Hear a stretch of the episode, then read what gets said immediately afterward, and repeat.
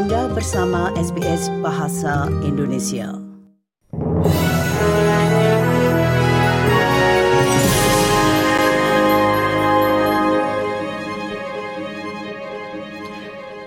Berita selengkapnya. Amerika Serikat pendengar berharap pada uh, masalah jeda kemanusiaan harian yang disepakati oleh Israel dalam pemboman di Gaza dapat membantu pembebasan lebih banyak sandera. Israel telah menyetujui jeda 4 jam setiap hari di beberapa bagian Gaza Utara. Hal ini akan memungkinkan mereka para uh, pengungsi yang ada di sana untuk mengungsi melalui dua koridor kemanusiaan. Juru bicara Departemen Luar Negeri Amerika Serikat, Vedat Patel, mengatakan hal ini merupakan langkah awal yang penting. This has been something that has been important to us as well, is assessing avenues in which humanitarian pauses could be um, initiated to permit civilians to depart, uh, area, specifically depart areas where there are active hostilities, uh, increase the flow of aid, uh, as well as enable uh, conditions for the release of hostages, which is something that we hope uh, will uh, continue to take place and happen as well, and that's something we're going to continue to keep an eye out. Namun belum ada jeda dalam pertempuran itu sendiri. Israel mengatakan 33 tentaranya tewas di Gaza sejak konflik dengan Hamas ini dimulai pada 7 Oktober yang lalu. Ketika Israel mengatakan Hamas membunuh 1.400 orang Israel dan menyandera sebanyak 240 orang. Para pejabat Palestina mengatakan Sebanyak 10.812 warga sipil telah tewas akibat serangan balasan Israel sejak saat itu. Perdana Menteri Anthony Albanese mendengar telah berbicara dengan pemimpin otoritas Palestina, Mahmud Abbas, mengecam serangan Hamas terhadap Israel dan menyatakan keprihatinan atas korban sipil dalam konflik yang terjadi di Timur Tengah saat ini. Percakapan tersebut terjadi kemarin, hari Kamis, tanggal 9 November. Mr. Albanese berbicara dengan Perdana Menteri Israel, Benjamin Netanyahu pada minggu lalu. Ia telah menegaskan kembali kepada Mr. Abbas bahwa Australia mendukung solusi dua negara atas konflik Israel-Palestina. Kantor berita Palestina, Wafa, memberitakan bahwa Mr. Abbas mengatakan kepada Mr. Albanese bahwa apa yang terjadi adalah genosida dan harus segera dihentikan. Ia mendesak Mr. Albanese untuk mengakui negara Palestina dan mengatakan bahwa rencana pemerintah Israel ini tidak dapat diterima. Premier Australia Selatan, pendengar Peter Malinauskas mengatakan investasi pada bidang manufaktur pertahanan di Adelaide akan menjadikan kota tersebut pemimpin di negeri ini dalam bidang pembuatan kapal.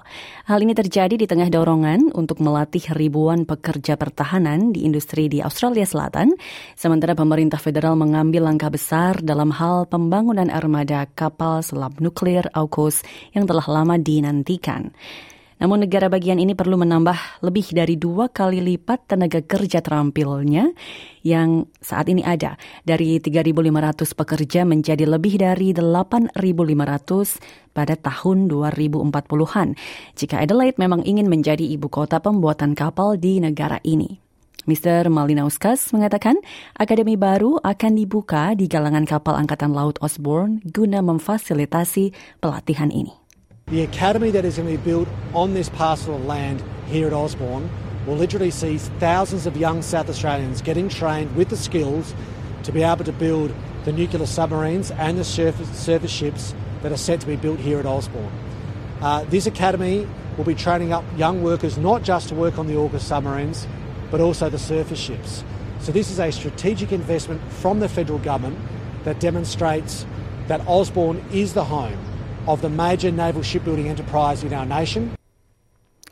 Ombudsman Usaha Kecil Nasional mengkritik tawaran Optus pendengar untuk memberikan data tambahan kepada para pelanggannya ini sebagai kompensasi atas matinya koneksi secara nasional dengan menyebut langkah tersebut tidak memadai.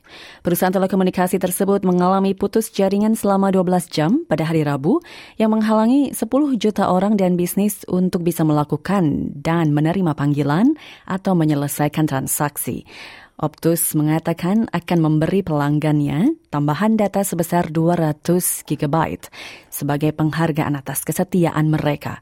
Namun Ombudsman Usaha Kecil dan Perusahaan Keluarga, Bruce Bilson, mengatakan masalah yang dihadapi oleh usaha kecil yang menggunakan jaringan Optus ini belum tertangani dan menolak pendapat dari perusahaan telekomunikasi ini bahwa kompensasi kerugian akan berjumlah 2 dolar per hari.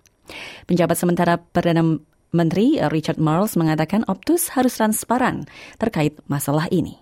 Well, obviously, questions of compensation arising out of the outage which occurred yesterday will unfold.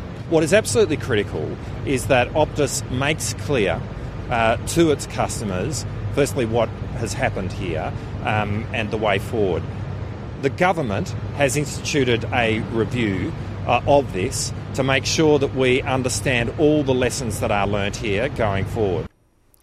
Perkiraan terbaru dari Reserve Bank menunjukkan rumah tangga di Australia kemungkinan tidak akan mengalami pertumbuhan pendapatan real hingga akhir tahun 2024. Reserve Bank mengatakan perekonomian Australia ini lebih tangguh dari yang diperkirakan, yang berarti inflasi kemungkinan akan lebih persisten di sepanjang tahun mendatang. Proyeksi mereka juga memasukkan kenaikan suku bunga lebih lanjut yang menandakan bank mungkin masih akan menaikkan suku bunga lebih tinggi dari 4,35 persen, yang merupakan angka tertinggi dalam 12 tahun terakhir. Produk domestik bruto atau PDB dari Australia ini meningkat sebesar 2,1 persen pada tahun keuangan yang lalu dibandingkan dengan ekspektasi pertumbuhan sekitar 1,5 persen. Di sisi lain pendengar, pendapatan rumah tangga turun sebesar 3 persen dan diperkirakan akan kembali turun sebesar 2 persen sebelum meningkat sebesar 2,5 persen pada paruh kedua tahun 2024.